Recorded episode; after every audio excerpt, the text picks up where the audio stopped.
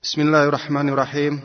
Kantor Kerjasama Dakwah, Bimbingan dan Penyuluhan Agama Islam bagi para pendatang di daerah Rabuah, Riyadh dengan bangga mempersembahkan silsilah studi Islam terpadu mata kuliah fikih untuk level pemula dengan penyaji Ustadz Irwandi Tirmizi MA. Urgensi salat dalam kehidupan muslim. Assalamualaikum warahmatullahi wabarakatuh. Alhamdulillah alladhi hadana lil Islam. وما كنا لنهتدي لولا أن هدانا الله وأشهد أن لا إله إلا الله وحده لا شريك له وأشهد أن محمدا عبده ورسوله صلى الله عليه وعلى آله وصحبه وسلم تسليما كثيرا kaum muslimin kaum muslimat yang dimuliakan oleh Allah Subhanahu wa taala. Pada pertemuan yang lalu telah kita jelaskan makna rukun Islam secara global. Insyaallah sekarang akan kita jelaskan makna salat lebih luas. Kaum muslimin kaum muslimat yang dimuliakan oleh Allah Subhanahu wa taala. Salat secara bahasa maknanya adalah lugha secara lughah maknanya adalah doa. Qala Allah Ta'ala fi kitabih al-azim fi surat al-ahzab al-ayah 56 Inna Allah wa malaikatahu yusalluna ala 'alan nabiy يا أيها amanu sallu alayhi wa sallimu تسليما Sesungguhnya Allah dan para malaikatnya berselawat kepada Nabi. Wahai orang-orang yang beriman, berselawatlah kalian kepada Nabi dan ucapkan salam. Kaum muslimin yang dimuliakan oleh Allah Subhanahu wa taala. Maksud firman Allah bersalawat di sini atau kata salat di sini adalah para malaikat mendoakan untuk Rasulullah sallallahu alaihi wasallam. Sedangkan makna salat dari Allah Subhanahu wa taala yaitu curahan rahmat darinya kepada hamba dan rasulnya Muhammad sallallahu alaihi wasallam. Dalam istilah syarak, para ulama mendefinisikan salat dengan perkataan beliau dengan perkataan mereka aqwalun wa af'alun muftatahatun bitakbir mukhtatamatun bitaslim. Salat yaitu perkataan, perbuatan yang dimulai dengan takbir, diakhiri dengan salam, dengan syarat-syarat yang telah ditentukan. Setelah kita mengenal makna salat di dalam bahasa Arab, kemudian dalam terminologi syarak, Ibnul Qayyim rahimahullah dalam kitabnya Al-Wabil Sayyib menjelaskan tentang keadaan manusia di dalam salat mereka. Beliau mengatakan, "Wan-nasu fi sholati ala maratib." Bahwa manusia di dalam salat mereka itu bertingkat-tingkat. Yang pertama, martabatu zalimi li nafsihi al-mufarrid. وهو الذي انتقص من وضوئها ومواقيتها وحدودها وأركانها yang pertama adalah orang yang menganiaya dirinya, lalai dalam melaksanakan solat, sehingga wuduknya tidak disempurnakan, waktunya tidak dijaga, dan batasan-batasan solat serta rukun-rukunnya pun tidak dipeliharanya. Umpamanya wuduk, ketika membasuh muka, tidak membasuh pada batas yang ditentukan Membasuh tangan pun tidak sampai kepada siku. Membasuh kaki pun tidak sampai kepada tumit. Maka orang ini mu'aqab. Dia akan diikab dan disiksa karena solat dalam keadaan lalai. Baik waktu, cara berwuduk maupun tata cara solat dilakukannya secara lalai. Semoga Allah subhanahu wa ta'ala melindungi kita dari keadaan yang pertama ini. Yang kedua, beliau jelaskan, "Man yuhafizu 'ala mawaqitiha wa hududiha wa arkaniha adh-dhahira aw wudu'iha, lakin qad dayya'a mujahadata nafsihi fil waswasa, fadhahaba ma'a al-wasawis wal afkar." Ada orang yang salat, waktunya ia pelihara, dia jaga. Ketika mendengar suara azan, langsung mendatangi masjid, Rukunnya pun dia jaga dengan baik. Dan wuduk pun dilakukan dengan sempurna. Tetapi sayangnya, ketika mulai takbiratul ihram dengan mengatakan Allahu Akbar, pikirannya terbawa rayuan setan. Teringat olehnya hal-hal duniawi yang di luar solat mungkin ia lupakan. Tapi ketika mulai solat, syaitan menggoda dan membisikkan kepadanya kehidupan-kehidupan duniawi. Sehingga pun badannya menghadap ke kiblat, tetapi pikirannya entah ke mana-mana, pergi bersama angan-angan. Dan ini sayangnya kaum muslimin, kaum muslimat yang berbahagia, kebanyakan solat kita pada dewasa ini. Tahukah kita bahwa solat yang seperti ini dikatakan oleh Ibnul Qayyim, fahuwa muhasab. Di hari kiamat akan ditanya oleh Allah Subhanahu wa taala karena dia melalaikan pokok atau ruh dari salat itu sendiri, yaitu ingat kepada Allah, zikir kepada Allah. Secara zahirnya dia salat tetapi fikirannya tidak ingat kepada Allah Subhanahu wa taala. Wal billah. Kemudian keadaan yang ketiga, man yuhafidhu ala hududiha wa arkaniha wa jahada nafsahu fi daf'il wasawis wal afkar. Ada orang yang salat, dia jaga rukun, syarat, wuduknya pun dia jaga. Ketika memulai takbiratul ihram, Allahu Akbar, dia pun berusaha mujahadatun nafs. Berusaha melawan setiap godaan rayuan syaitan yang datang mengingatkannya, melalaikannya dari salatnya. Maka sesungguhnya orang ini benar-benar berada dalam salat. Ibnu Qayyim mengatakan, "Fahuwa fi salatin wa jihad." Bahwa orang ini benar-benar berada di dalam salat dia dan dia pun sebenarnya sedang berjihad, berjihad membela atau mengalahkan hawa nafsunya mengusir syaitan-syaitan. Orang yang keempat, man idza qama ila salati akmala huquqaha wa arkanaha wa hududaha واستغرق قلبه مراعة حدودها وحقوقها لئلا يضيع شيئا منها بل همه كله مصروف إلى إقامتها كما ينبغي fahuwa musab. Ada orang yang salat, dia sempurnakan hak-hak salat. Dia sempurnakan rukun, syarat-syarat, wuduk, dan hal-hal yang berkenaan dengan salat. Kemudian hatinya tenggelam. Tenggelam di dalam kerenungan, merenungi makna salat itu sendiri, bacaan-bacaan yang dia baca, sibuk dalam berubudiyah kepada Rabbnya subhanahu wa ta'ala. Maka orang yang yang begini, kata Ibn Qayyim, fahuwa muthab. Dialah diberi pahala dalam salatnya. Mudah-mudahan Allah subhanahu wa ta'ala menjadikan salat kita seperti keadaan orang yang ketiga atau lebih dari itu seperti keadaan orang yang keempat. Kaum muslimin, kaum muslimat yang dimuliakan oleh Allah Subhanahu wa taala, setelah kita mengetahui makna salat dan tingkatan-tingkatan manusia dalam salat mereka, ada baiknya kita jelaskan ahamiyah, urgensi, pentingnya salat dalam kehidupan seorang mukmin, seorang yang muslim yang beriman kepada Allah Subhanahu wa taala. Insyaallah akan kita jelaskan sekitar 14 poin tentang hal tersebut Mudah-mudahan waktu mencukupi untuk kita jelaskan. Kita masuki kepada urgensi yang pertama.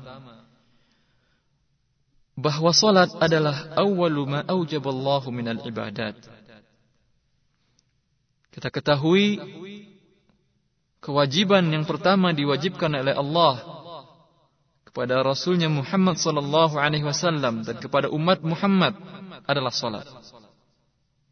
Dan salat berbeda dengan kewajiban-kewajiban yang lain. Perintah wajibnya langsung Allah yang menyampaikan dan diterima langsung oleh Muhammad sallallahu alaihi wasallam dalam sebuah perjalanan yang kita kenal dengan perjalanan Isra dan Mi'raj tanpa ada perantara, tanpa ada malaikat. Begitu agungnya salat di sisi Allah Subhanahu wa taala. Sebagaimana yang diriwayatkan oleh Anas bin Malik, فرضت الصلاة على النبي صلى الله عليه وسلم ليلة أسري به خمسين ثم نقصت حتى جعلت خمسة ثم نوديا يا محمد إنه لا يبدل القول لدي وإن لك بهذه الخمس خمسين. حديث رواية أحمد دن نسائي دن ترمذي دن باليوم صحيح كان حديث إني بهوا صلاة بفردوكا di malam Isra dan Mi'raj. Awalnya Allah fardukan kepada Muhammad sallallahu alaihi wasallam sebanyak 50 rakaat. Kemudian Rasulullah sallallahu alaihi wasallam meminta keringanan berdasarkan petunjuk beberapa orang para nabi sehingga Allah pun mengabulkan permintaan Muhammad sallallahu alaihi wasallam kewajiban yang 50 itu akhirnya diberi keringanan oleh Allah menjadi 5 5 waktu sehari semalam. Lalu Allah mengatakan lima waktu sehari semalam ini telah merupakan kewajiban dariku. Tetapi pahala mengerjakan lima waktu ini sama dengan mengerjakan lima puluh waktu. Subhanallah. Allah memberikan keringanan dalam melakukannya, tetapi pahalanya sama dengan pahala awal diwajibkan. Kemudian kaum muslimin, kaum muslimat yang berbahagia yang kedua, keutamaan salat adalah imaduddin. Salat adalah tiang agama. Seperti yang diriwayatkan oleh Tirmizi bahwa Rasulullah sallallahu alaihi wasallam bersabda, "Rasul amril Islam." Pokok dari urusan seseorang adalah Islam. Wa amuduhu as-salah. Dan tiangnya adalah salat. Wa dhirwatu sinamihil jihad fi sabilillah. Dan puncaknya adalah berjihad fi sabilillah. Jadi tidak berdiri agama seseorang karena bila dia tidak melakukan solat yang merupakan tiang agamanya, sungguh merugilah orang-orang yang melalaikan solat. Berarti tiang agamanya juga lalai berdiri dengan tidak kokoh. Ketiga, bahwa solat adalah miftahul jannah, kunci sorga.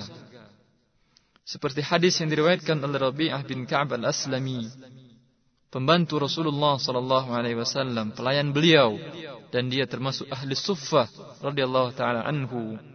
Ia berkata, كنت أبيت مع رسول الله صلى الله عليه وسلم فآتيه بوضوئه وحاجته فقال سلني فقلت أسألك مرافقتك في الجنة فقال أو غير ذلك قلت هو ذاك قال أعني على نفسك بكثرة السجود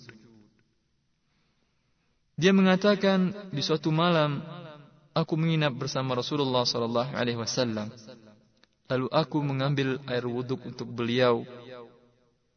Kemudian Rasulullah sallallahu alaihi wasallam berkata kepadaku, "Mintalah." Aku pun berkata, "Ya Rasulullah, aku meminta agar menjadi temanmu di dalam sorga Rasulullah mengatakan, ini berat. Coba mintalah yang lain. Aku berkata, kata Rabi'ah, Rasulullah itulah permintaanku. Lalu Rasulullah sallallahu alaihi wasallam mengabulkan permintaan pelayan beliau tetapi dengan mensyaratkan ta'inni ala nafsika bikasratis sujud. Insyaallah ku doakan tetapi bantu dengan memperbanyak melakukan salat. Jadi syarat engkau menjadi temanku di dalam sorga. Selain doaku ini, engkau banyak melakukan salat. Salat fardu tentu engkau lakukan pada waktunya. Dan lakukan dengan sempurna. Selain itu, lakukanlah salat-salat sunat yang lain. Sesungguhnya, dengan demikian Allah mengabulkan permintaanmu menjadi temanku di sorga. Maha agung ikhlas kalian, sangat agung, sangat besar sekali Utamaan salat ini di mana kita melakukannya akan menjadi teman Rasulullah sallallahu alaihi wasallam. Semoga Allah pun mengabulkan permintaan kita, doa kita menjadi teman Rasulullah sallallahu alaihi wasallam di dalam surga nanti. Yang keempat, salat merupakan ciri khas orang muslim yang mukmin, yang muttaqi, yang muhsin. Qala ta'ala fi surah Al-Anfal al-ayah 2 ila 4.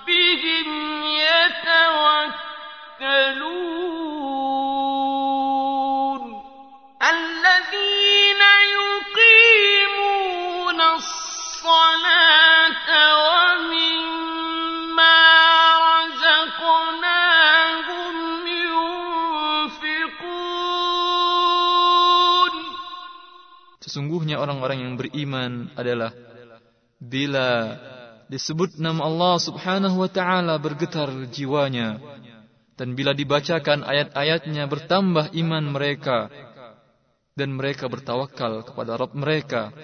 Siapakah mereka? Mereka adalah orang-orang yang selalu melaksanakan salat dan memberikan sebagian rezeki mereka untuk dinafkahkan. Allah mengatakan bahwa orang-orang yang beriman di antara tandanya mereka selalu melaksanakan salat. Jadi salat merupakan ciri khas tanda orang yang beriman. Juga tanda orang yang bertakwa. Qala ta'ala fi surah Al-Baqarah min al-ayah al-ula ila al-thalith. Bismillahirrahmanirrahim. Alif Lam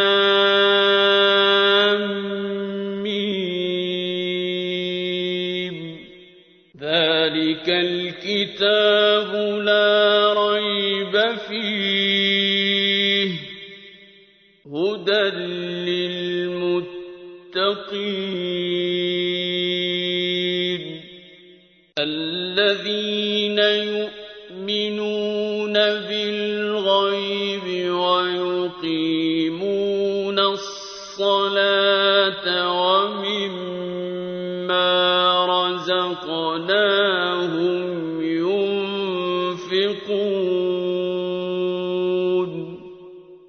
Alif Lam Mim. Demikianlah kitab yang tidak ada keraguan padanya merupakan petunjuk bagi orang-orang yang bertakwa. Siapakah orang yang bertakwa tersebut? Wahai Rabb, Allah mengatakan, yaitu orang-orang yang beriman dengan hal-hal yang gaib.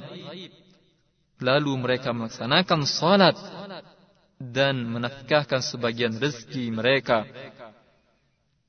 Jadi kalau ingin dikatakan sebagai orang bertakwa, ingin mencapai ketakwaan, laksanakanlah salat. Salat juga merupakan ciri khas orang-orang yang muhsin. Qala ta'ala fi surat Al-Luqman, al-ayah 1 ila 4. Bismillahirrahmanirrahim. Alif lam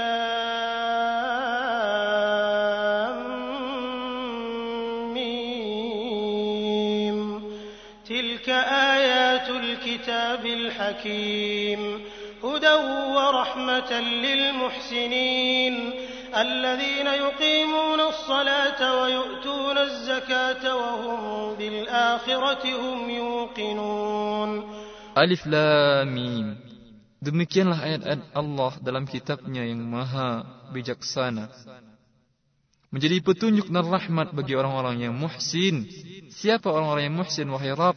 Allah mengatakan, orang-orang yang selalu melaksanakan salat, membayar membayar zakat, dan yakin dengan hari akhirat. Jadi di antara tanda ciri khas orang yang muhsin, dia melaksanakan salat. Dan ikhwah kaum muslimin, kaum muslimat yang dimuliakan oleh Allah Subhanahu wa taala. bahwa salat ini karena dia merupakan ciri khas orang mukmin, orang munafik tidak mampu melaksanakan salat. Qala ta'ala fi surah Al-Baqarah واستعينوا بالصبر والصلاة وإنها لكبيرة إلا على الخاشعين Memintalah pertolongan kepada Rabbmu dengan sabar dan salat. Sungguhnya hal tersebut adalah berat kecuali orang-orang yang khusyuk. Di dalam surat An-Nisa Allah berfirman, إن المنافقين يخادعون الله وهو خادعهم وإذا قاموا إلى الصلاة قاموا كسالى يراءون الناس ولا يذكرون الله إلا قليلا Sungguhnya orang-orang yang munafik mereka mendustai Allah Subhanahu wa taala dan Allah pun membohongi mereka. Yang kelima, bahwa salat dapat membersihkan jiwa manusia. Kaum muslimin, kaum muslimat yang dimuliakan oleh Allah Subhanahu wa taala. Kita hidup di permukaan bumi Allah Subhanahu wa taala ini semenjak mulai kita akil balik saat demi saat demi waktu demi waktu baik disengaja maupun tanpa disengaja kita terkadang melakukan dosa. Terkadang melakukan maksiat kepada Allah Subhanahu wa taala. Dan kita ketahui dari hadis Rasulullah sallallahu alaihi wasallam bahwa sebuah maksiat yang kita lakukan maka maksiat itu akan menjadi titik noda hitam yang menutupi hati dan jiwa kita. Bila kita tidak beristighfar dan membersihkan jiwa dari titik noda hitam itu, noda itu akan berkumpul banyak sehingga hati menjadi hitam gelap. Seperti noda kotoran yang menempel pakaian kita. Secara zahir, kita selalu berusaha tampil bersih. Pakaian tidak ternoda oleh satu noda pun juga. Maka bila kita duduk, debu biasanya kita bersihkan terlebih dahulu. Atau kita makan, berhati-hati agar pakaian tidak terkena noda makanan tersebut. Tetapi kenapa kaum muslimin, kaum muslimat yang berbahagia? Kita sering lalai, sering alfa membersihkan jiwa kita dari noda-noda dosa. Ini sangat ironis sekali kehidupan kaum muslimin. Yang mereka lebih mementingkan penampakan zahir, penampakan luar. Dan membiarkan batinnya terkotori oleh noda-noda dosa.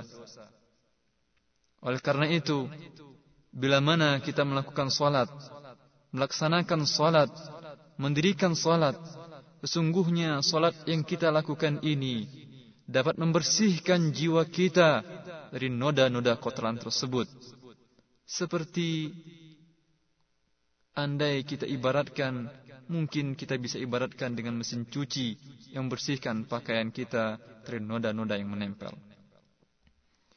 قال Allah Ta'ala في surat Al-A'la, 14 wa 15. قد أفلح من تزكى وذكر اسم ربه فصلى Sungguh beruntung orang-orang yang selalu membersihkan jiwanya dan ia berzikir menyebut nama Rabbnya lalu melaksanakan salat. Ayat ini menjelaskan kepada kita bahwa Allah memuji mengkategorikan orang-orang yang berzikir kepada Rabbnya dengan melaksanakan salat bahwa orang tersebut adalah orang yang selalu membersihkan jiwanya dari kotoran noda-noda dan dosa dari noda dosa dan maksiat kepada Allah Subhanahu wa taala Allah kaitkan antara berzikir dengan namanya dengan menyebut namanya dalam bentuk salat oleh karena itu maka zikir saja tanpa melaksanakan salat Seperti yang kita ketahui, yang telah kita definisikan sebelumnya, maka tidak cukup untuk membersihkan jiwa. Dia butuh amaliyah zahiriyah, gerakan-gerakan, gerakan ketundukan, ruku', sujud, kepatuhan, kekhusyuan kepada Rabb yang dinamakan dengan salat. Sehingga amaliyah itu yang diiringi dengan zikir kepada Rabb, menyebut asma Allah subhanahu wa ta'ala dalam salat, menjadi suatu amalan, sebuah amalan yang bersifat membersihkan jiwa. Dalam contoh yang lebih jelas, Rasulullah sallallahu alaihi wasallam menggambarkan dalam hadis yang diriwayatkan oleh Abu Hurairah Rasulullah bersabda Ara'aytum law anna nahran bi babi ahadikum يغتسل منه كل يوم خمس مرات هل يبقى من درنه شيء قالوا قالوا لا يبقى من درنه شيء قال فذلك مثل الصلوات الخمس يمحو الله بهن الخطايا رواه البخاري ومسلم Rasulullah sallallahu alaihi wasallam bersabda Bagaimana pendapat kalian Jikalau di depan rumah kalian ada sungai yang mengalir dengan air yang bersih, Kemudian kalian mandi di sungai tersebut setiap harinya lima kali. Apakah akan tersisa kotoran di tubuh kalian? Para sahabat menjawab, tentu tidak, ya Rasulullah. Lalu Rasulullah bersabda, maka demikianlah perumpamaan salat yang lima waktu. Allah menghapuskan dengan salat lima waktu itu dosa-dosa dan kesalahan-kesalahan yang kalian lakukan.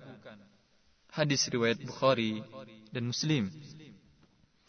Ini suatu perumpamaan yang sangat jelas sekali kaum muslimin, kaum muslimat yang berbahagia, bahwa salat merupakan sarana membersihkan jiwa manusia yang Rasulullah ibaratkan seperti air. Seseorang melakukan mandi dengan air yang bersih lima kali. Tentulah tubuhnya menjadi bersih, dari kotoran.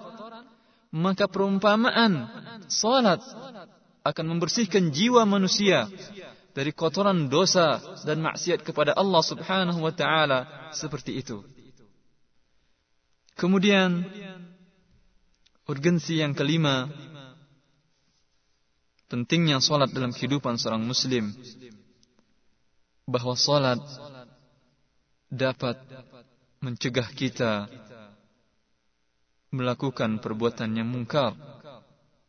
Qala Allah Ta'ala fi surat Al-Ankabut, Al-Ayah 45. Utlu ma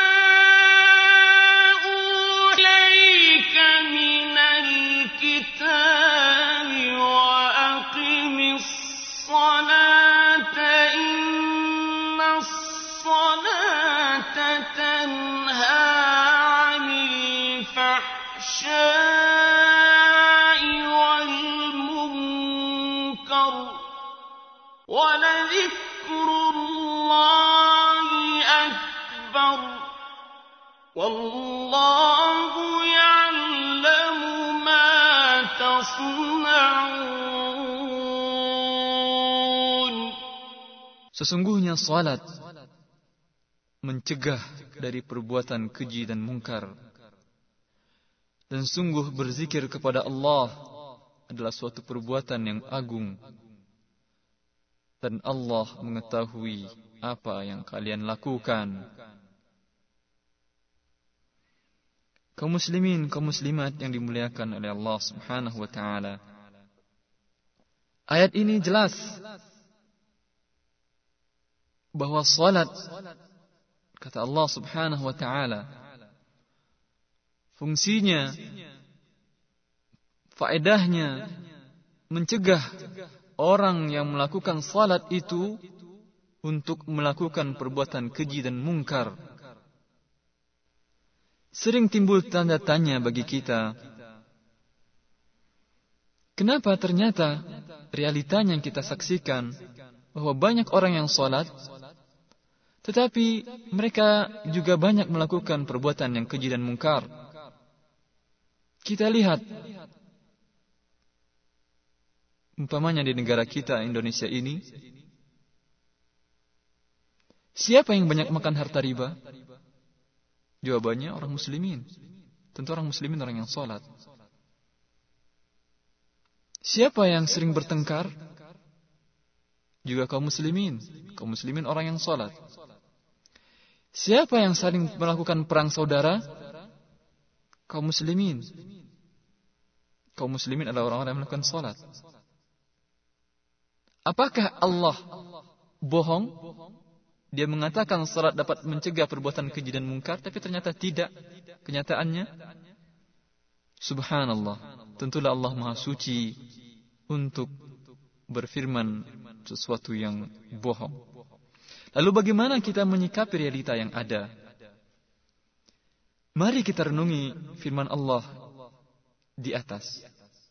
Allah mengatakan sesungguhnya salat mencegah dari perbuatan keji dan mungkar dan sungguh berzikir kepada Allah lebih yang sesuatu yang maha agung dan Allah mengetahui apa yang kalian lakukan ingat di akhir ayat Allah mengatakan Allah mengetahui apa yang kalian lakukan bagaimana salat kaum muslimin saat ini bagaimana salat kaum muslimin yang makan riba itu Bagaimana salat kaum muslimin yang melakukan judi? Bagaimana salat kaum muslimin yang yang melakukan perseteruan dengan saudara yang sama muslim juga? Apakah dia melakukan salat? Wallahu ya'lamu ma tasna'un. Allah Maha mengetahui apa yang kalian lakukan. Kalau ternyata terjadi realita sebalik dari ini, ada orang salat ternyata dia juga melakukan perbuatan keji dan mungkar, Allah mengetahui apa yang kalian lakukan berarti kalian tidak sholat. Ini yang kita katakan tentang bahwa manusia dalam sholatnya ada beberapa tingkatan derajat.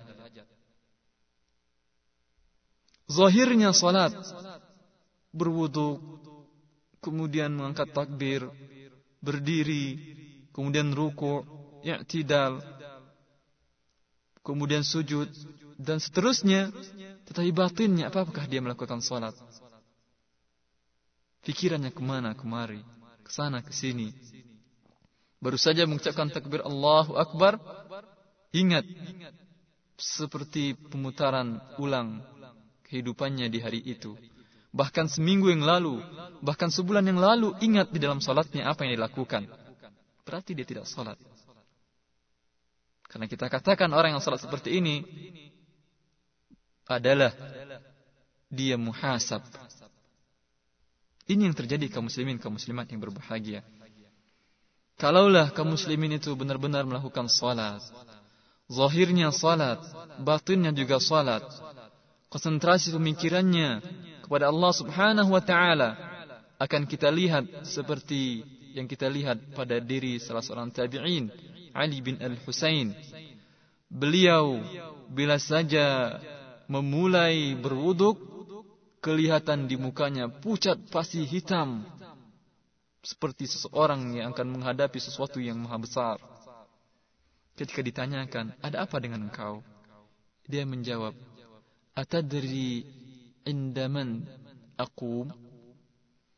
Apakah engkau tahu setelah aku berwuduk ini, di hadapan siapa aku berdiri? Itu ternyata Ali bin Al-Husain ini baru saja dia berwuduk, dia sudah merasakan kebesaran Allah Subhanahu wa taala. Dia akan menghadap Allah Subhanahu wa taala. Gemetar ketakutan karena akan berada di hadapan Allah Subhanahu wa taala, pencipta langit dan bumi ini. Orang yang jiwanya seperti ini melakukan salat seperti ini, mungkinkah dia akan melakukan berbuat maksiat kepada Allah Subhanahu wa taala? Kalla tentu tidak mungkin dia akan melakukan maksiat kepada Allah Subhanahu wa taala. Oleh karena itu, kaum muslimin, kaum muslimat yang berbahagia, perbaikilah salat kita. Sempurnakan salat kita. Jadikan zahir dan batin kita salat. Semoga dengan demikian kita tidak melakukan lagi perbuatan yang keji dan mungkar. Selanjutnya urgensi yang ketujuh bahwa salat dambaan para nabi sehingga mereka melantunkan dalam doanya kepada Allah Subhanahu wa taala. Bukankah seseorang yang menginginkan sesuatu dia meminta kepada Allah yang maha kuasa melakukan sesuatu adalah Nabi Ibrahim alaihi salam berdoa dan dijelaskan Allah dalam firman-Nya fi surat Ibrahim al-ayah 40 رب اجعلني مقيم الصلاة ومن ربنا وتقبل دعاء Wahai Rabbku, jadikanlah aku orang yang mendirikan salat, orang yang melaksanakan salat. Juga jadikan anak cucuku melakukan hal tersebut. Wahai Tuhanku, terimalah doaku ini. Sungguh agung permohonan Nabi Ibrahim ini. Kalau kita umpamanya meminta ini dan itu kepada Allah Subhanahu wa taala, minta rezeki yang banyak, memang dianjurkan. Minta hidup tanpa gangguan, memang disuruh. Tetapi kita sering lalai, sering lupa meminta kepada Allah agar diberi ibadah, agar dapat melakukan ibadah yang maha agung, yaitu melakukan salat. Karena itu doa Ibrahim ini sangat berharga sekali dalam kehidupan kita untuk kita lantunkan kepada Allah Subhanahu wa taala.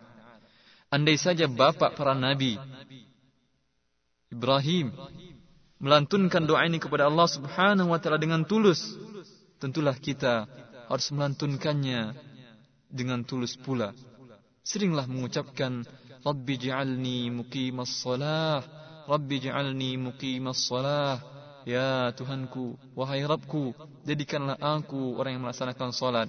Demikian juga dengan anak cucuku. Urgensi selanjutnya yaitu urgensi yang kedelapan bahwa salat juga merupakan petuah Allah Subhanahu wa taala atau wasiat Allah kepada nabinya Isa alaihi salam. Qala Allah taala fi surati Maryam al-ayah 31 وجعلني مباركا أينما كنت وأوصاني بالصلاة والزكاة ما دمت حيا. Dan ia Allah Rabbku telah mewasiatkan kepadaku untuk melaksanakan salat dan membayarkan zakat selagi aku hidup. Agung sekali ibadah ini khas sekalian yang dimuliakan oleh Allah Subhanahu wa taala. Sampai Allah mewasiatkannya kepada nabinya Isa alaihissalam. Kalaulah kita manusia berwasiat kepada anak kita, "Hai anakku, rajin-rajin belajar." Ini wasiat yang bagus. Tetapi kita sering lupa mewasiatkan kepada anak kita, memberi petuah kepada anak kita untuk melakukan ibadah kepada Allah Subhanahu wa taala. Perbanyaklah wasiat ini. Karena Allah pencipta langit dan bumi ini mewasiatkan kepada nabinya. Maka sepantasnya kita hamba yang hina ini mewasiatkan kepada generasi penerus kita, kepada anak-anak kita, orang-orang terdekat di antara kita. Yang kesembilan, juga Nabi Muhammad sallallahu alaihi wasallam mencontoh perbuatan Allah Subhanahu wa taala yang berwasiat kepada nabinya Isa. Maka Muhammad sallallahu alaihi wasallam mewasiatkan kepada umatnya juga untuk melaksanakan salat. Wasiat itu dia sampaikan sebelum dia wafat. Seperti diriwayatkan oleh Abu Daud dan Ibnu Majah. Ja'ala yaqulu wa huwa yalfadhu anfasahu al-akhirah. As-salata as-salata wa ma malakat aymanukum. Bahwa Rasulullah sallallahu alaihi wasallam di saat akhir hayatnya di saat dia menghembuskan nafas-nafasnya yang terakhir beliau mewasiatkan kepada umatnya kepada orang yang berada di sekitarnya as-salat as-salah. Jagalah salat jagalah salat. Lakukan salat lakukan salat. Begitu agungnya wasiat Rasulullah sallallahu alaihi wasallam. Maka sepantasnya kita yang mengaku sebagai pengikut Muhammad sallallahu alaihi wasallam memberikan wasiat ini, memberikan petuah ini, nasihat ini untuk melakukan salat kepada anak kita. Jangan sampai kita bosan lima kali sehari semalam mewasiatkan, menyuruh, memerintahkan, mengajak anak-anak kita dan orang-orang berada di sekitar kita untuk melaksanakan salat. Urgensi selanjutnya bahwa salat adalah merupakan qurratu aini Rasulullah sallallahu alaihi wasallam. Dambaan Rasulullah sallallahu alaihi wasallam. Diriwayatkan dari Anas bin Malik radhiyallahu taala anhu. Ia berkata, Rasulullah sallallahu alaihi wasallam bersabda, "Hubbiba ilayya minad dunya an-nisa' wat-tib, wa ju'ila qurratu 'aini fi shalah." Riwayat Nasa'i bahwa aku diberi rasa suka terhadap dunia kalian adalah hanya terhadap istri-istriku dan wewangian. Dan dijadikan ketenanganku di dalam sholat. Artinya, kalaulah kita mempunyai suatu hobi yang ingin kita lakukan, atau sesuatu aktivitas yang sering menjadi dambaan untuk kita lakukan.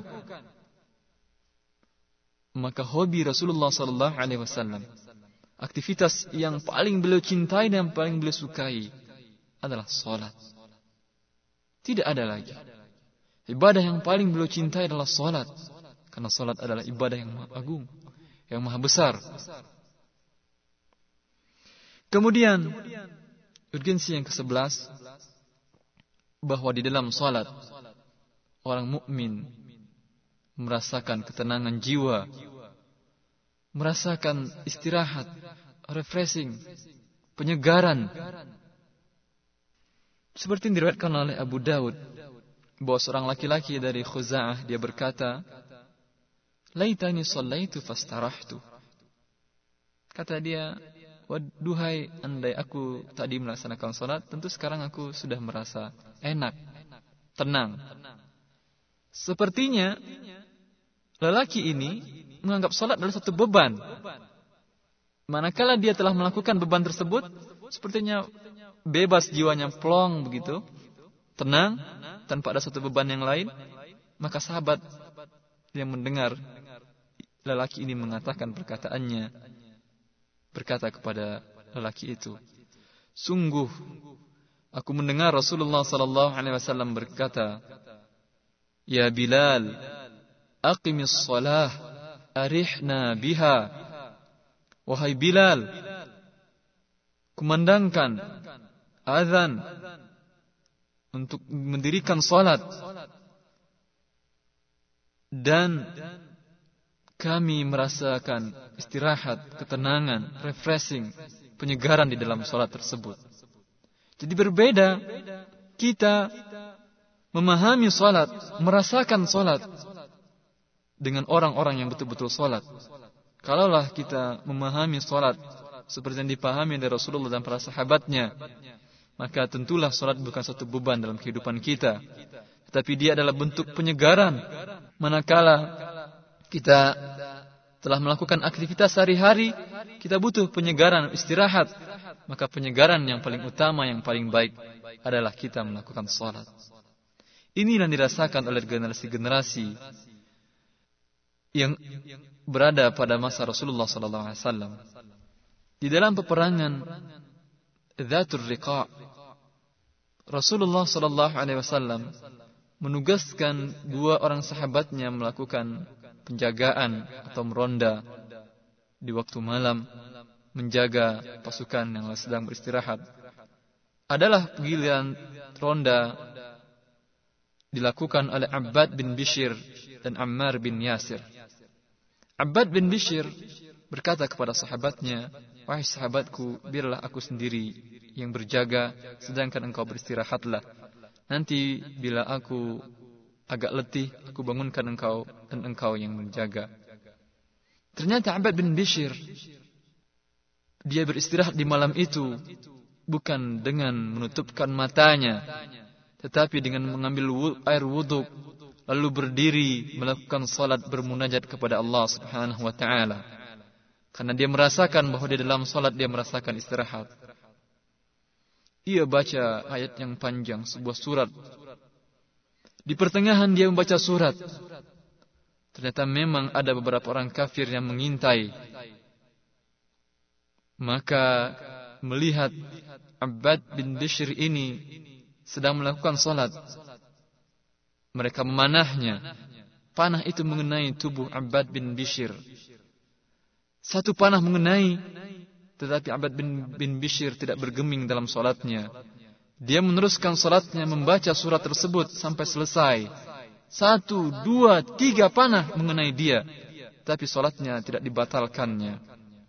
Kemudian setelah surat itu dia selesaikan membaca dalam salatnya, dia menyegerakan salatnya, khawatir kaum muslimin, orang-orang kafir akan menyerang kaum muslimin dalam keadaan dalam keadaan lengah tersebut. Makanya dia bangunkan sahabatnya Ammar bin Yasir. Ammar bangun lalu melihat keadaan Abbad bin Bishr yang terluka itu. Dia mengatakan, "Wahai saudaraku, kenapa tidak engkau bangunkan aku dari tadi?"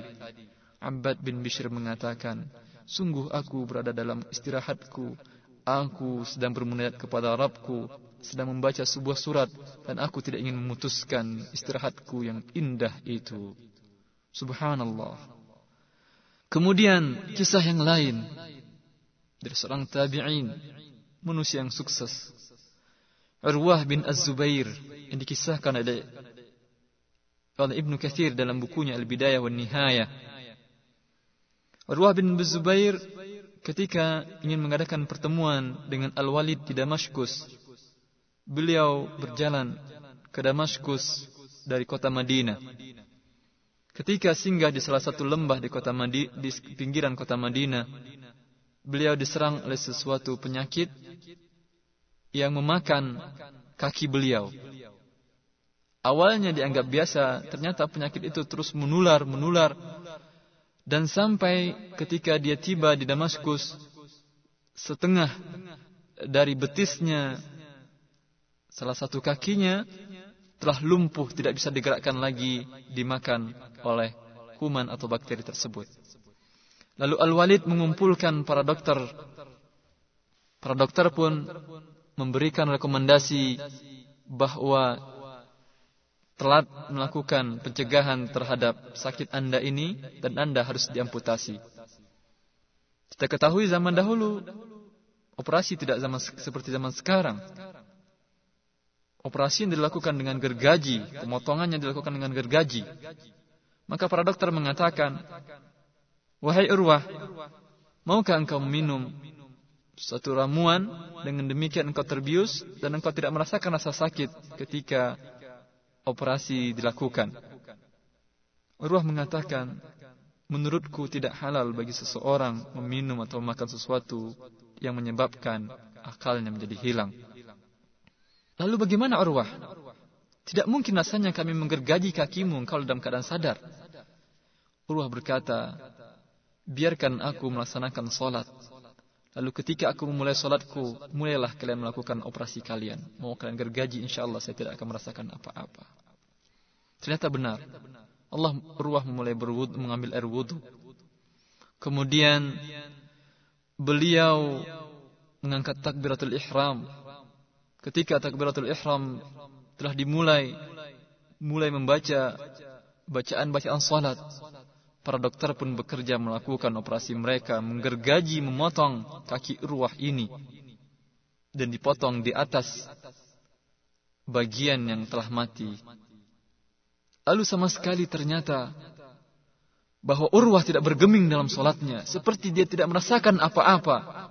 Dia merasakan kekhusyuan, keindahan munajat yang begitu tinggi. Dia merasakan keistirahatan yang sangat indah di dalam solatnya. Maka ketika selesai dia melakukan solat, para dokter pun selesai melakukan operasi mereka. Lalu Al-Walid mengucapkan bela sungkawa dengan musibah yang menimpa Urwah bin Az-Zubair. Lalu Urwah mengatakan, tidak perlu engkau mengucapkan bela sungkawa. Alhamdulillah, segala puji bagi Allah yang memberikan kepadaku dua tangan dan dua kaki sekarang beliau ambil satu saja dan masih tiga anggotaku dia tinggalkan. Maha suci Allah, maha besar Allah segala puji milik dia. Subhanallah, jiwa yang sangat besar sekali. Kemudian selanjutnya urgensi salat dalam kehidupan kaum muslimin. Bahwa salat adalah pembatas antara Islam dan kafir. Seperti yang diriwayatkan oleh ashabus sunan dan Imam Ahmad dari Buraidah. Rasulullah SAW bersabda, العهد الذي بيننا وبينهم الصلاة فمن تركها فقد كفر bahwa satu perjanjian antara kita orang mukmin dan antara orang kufar adalah melakukan salat. Maka siapa yang meninggalkan salat, maka sungguh mereka telah kafir. Tidak berguna dia mengucapkan syahadatain kalau salat dia tinggalkan dengan sengaja. Karena salat adalah suatu ibadah yang maha agung. Urgensi selanjutnya bahwa salat adalah ibadah pertama yang akan dihisap oleh Allah Subhanahu wa taala. Bila mana salat seseorang itu hasil pemeriksaannya baik, maka insya Allah seluruh amalannya dianggap baik oleh Allah Subhanahu wa taala. Rasulullah sallallahu alaihi wasallam bersabda, "Awwalu ma yuhasabu alaihi al-'abdu yawmal qiyamati as-salah." فإن صلحت صلح سائر أعماله وإن فسدت فسد سائر أعماله. bahwa amalan yang pertama dihisab Allah di hari kiamat adalah salat. Maka jika salatnya itu baik bagus maka seluruh amalannya insyaallah bagus. Dan jika um, salatnya tidak benar maka seluruh amalannya tidak benar. Maka sungguhlah orang-orang dahulu benar dalam tindakan mereka. Bila mana mereka ingin mengambil mantu untuk anak wanitanya, maka mereka sering melihat salat orang tersebut. Bila mana orang itu melakukan solat dengan khusyuk, dengan indah, dengan merasakan kelezatan dalam solatnya, maka mereka mempercayakan anaknya kepada orang tersebut. Karena orang ini menjaga perintah Allah subhanahu wa ta'ala, amanah Allah melakukan solat, tentulah amanah dari manusia pun dia jaga dengan baik. Yang terakhir, yang terakhir yang saya ketahui, insya Allah banyak lagi di sana urgensi-urgensi, mungkin saya belum mengetahui. Yaitu bahwa salat adalah nur wa burhan wa najah. Cahaya menjadi hujah kita nanti di hari kiamat dan menjadi kesuksesan kita di hari kiamat. Juga di dunia. Seperti yang diriwayatkan oleh Imam Ahmad dan Ibn Hibban dengan sanad yang jayid dari Abdullah bin Amr bin Al-As. Rasulullah wasallam bersabda Man hafadha 'alaiha kanat lahu nura wa burhana wa najatan bahwa siapa yang selalu memelihara dan menjaga salatnya, salat itu akan menjadi nur bagi dia, bercahaya.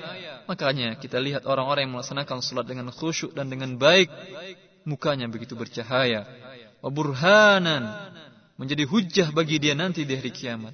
Wa najatan yaumal qiyamah dan juga menjadi najah, menjadi kesuksesan, menjadi hal yang menyebabkan dia selamat nanti di hari kiamat. Oman lam yuhafiz alaiha sebaliknya. Siapa yang tidak memelihara salatnya lam takun lahu nura wala burhanan wala najah. Wa kana yawmal qiyamati ma'a qarun wa fir'aun wa haman wa ubay bin khalaf. Dan dia nanti dia tidak memiliki sama sekali nur baik di dunia maupun di akhirat. Juga tidak memiliki hujah di hadapan Allah. Dan dia tidak menjadi selamat. Dan tentunya di hari kiamat kata Rasulullah sallallahu dia akan bersama Qarun, Fir'aun, Haman, menterinya Fir'aun dan Ubay bin Khalaf. Wal billah. Semoga Allah Subhanahu wa taala tidak mengumpulkan kita bersama orang-orang durhaka ini, Qarun, Fir'aun, Haman dan Ubay bin Khalaf. Oleh karena itu, selalu berdoa kepada Allah Subhanahu wa taala agar Allah menjadikan kita orang-orang yang melaksanakan salat. Marilah sama-sama kita ucapkan, Rabbi ja'alni muqimas salah wa min dhurriyyati Rabbana wa taqabbal du'a. Aqulu qawli hadha wa astaghfirullah li wa lakum wa risairil muslimin. Wassalamualaikum warahmatullahi wabarakatuh. Mudah-mudahan Allah Subhanahu wa taala memberikan kepahaman kepada Anda setelah mendengarkan silsilah studi Islam terpadu ini. Bagi Anda yang berminat memiliki album kaset studi Islam terpadu ini, dapat menghubungi kami di kantor kerjasama dakwah, bimbingan dan penyuluhan agama Islam bagi para pendatang di daerah Rabuah, Riyadh. PO Box 29465 Riyadh 11457, telepon 445 4900, 491 6065, fax 4970126, Rabwa, Jalan Amir Mat Aib, samping Bang Al Rahji, cabang Rabwa. Assalamualaikum warahmatullahi wabarakatuh. تم تسجيل هذه المادة في استديو المكتب التعاوني للدعوة وتوعية الجاليات بالربوة في مدينة الرياض.